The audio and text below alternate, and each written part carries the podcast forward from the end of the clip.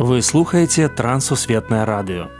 У эфіры праграма урокі гісторыі.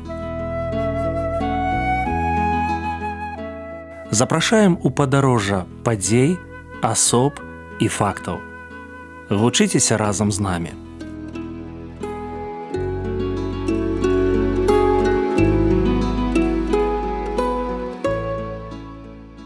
Для мікрафона сяржук брышцель і кандыдат гістарычных навук Андрусь унучак.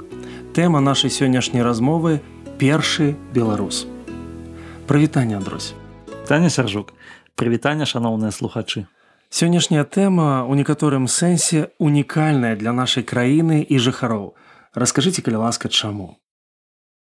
Мы будзем гаварыць пра чалавека, які ўпершыню ў нашай гісторыі запісаў, сваю нацыянальнасць беларус. Гэты чалавек саламон рысінскі.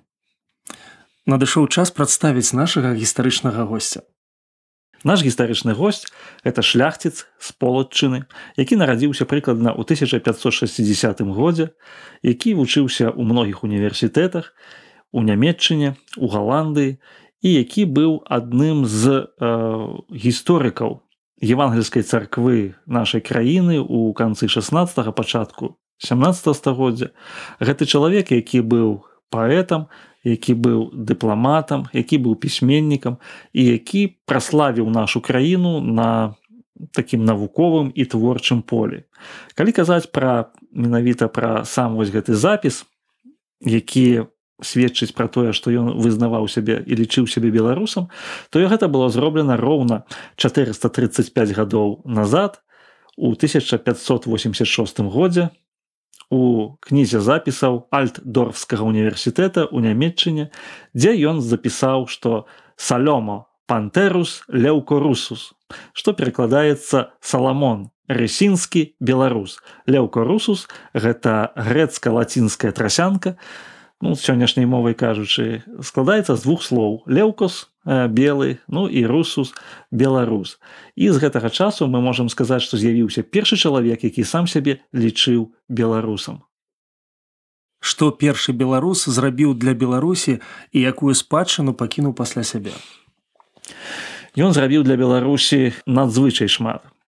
Ну у першую чаргу мы можемм сказаць што саламон рысінскі ён Э, выдаў э, шэраг твораў для нашай паэзіі знакамітых.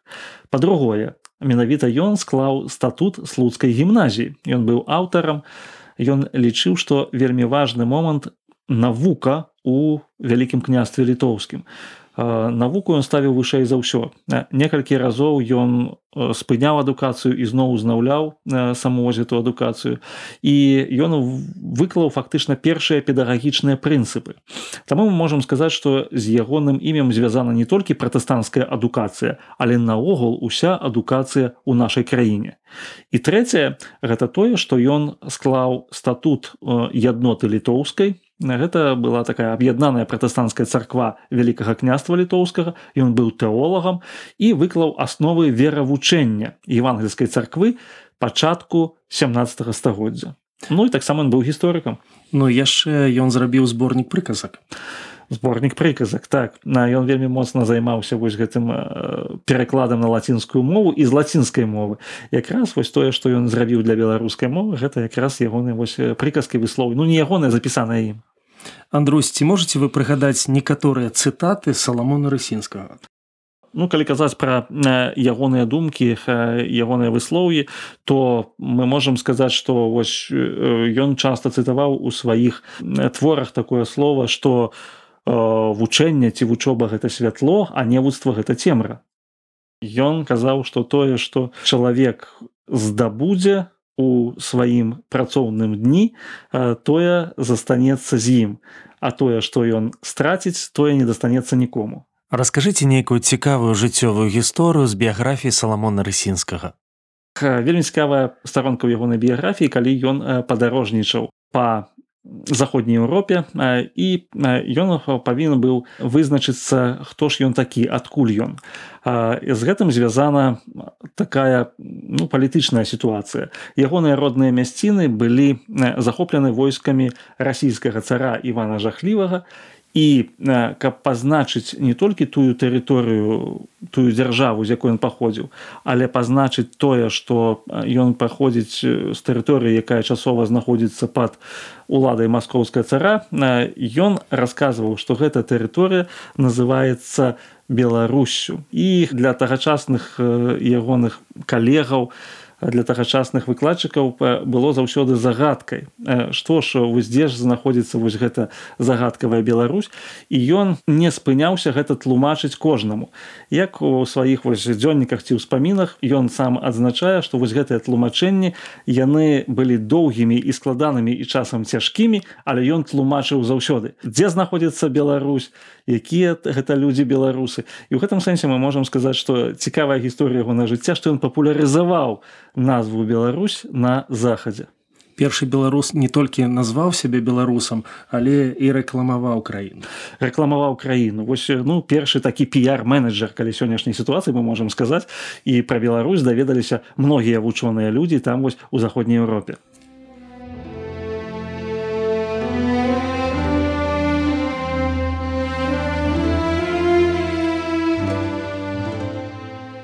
Некалькі гадоў таму я займаўся радаводам сваёй сям'і.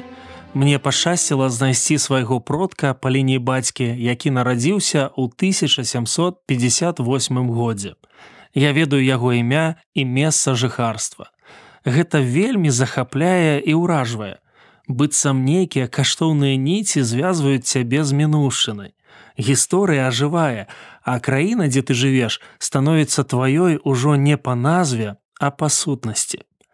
Мы з вами ведаем імя першага беларуса. Не кожны народ можа пахваліцца гэтым.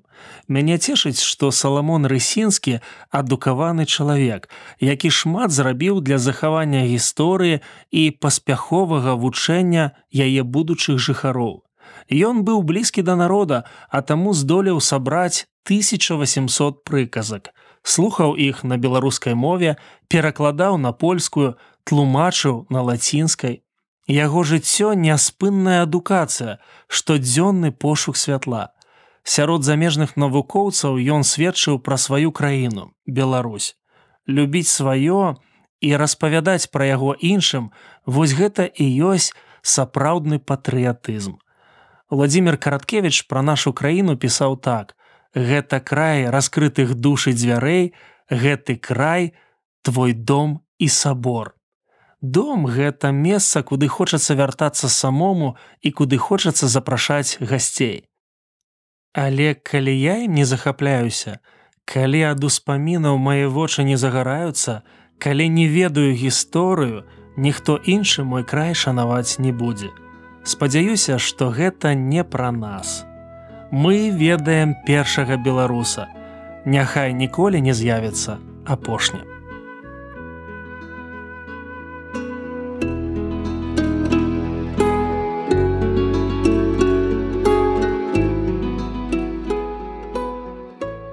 Дзякую, што далучыліся да нашага праекту.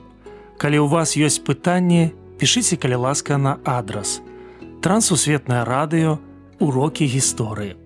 Паштовая скрынка 45, індекс 22 40 20, горад Брест 20, Беларусь. Пакідаю для сувязі электронную пошту rmtwr кропка бівай, собачка gmail.com Шукайце нас на сайте twr.fm.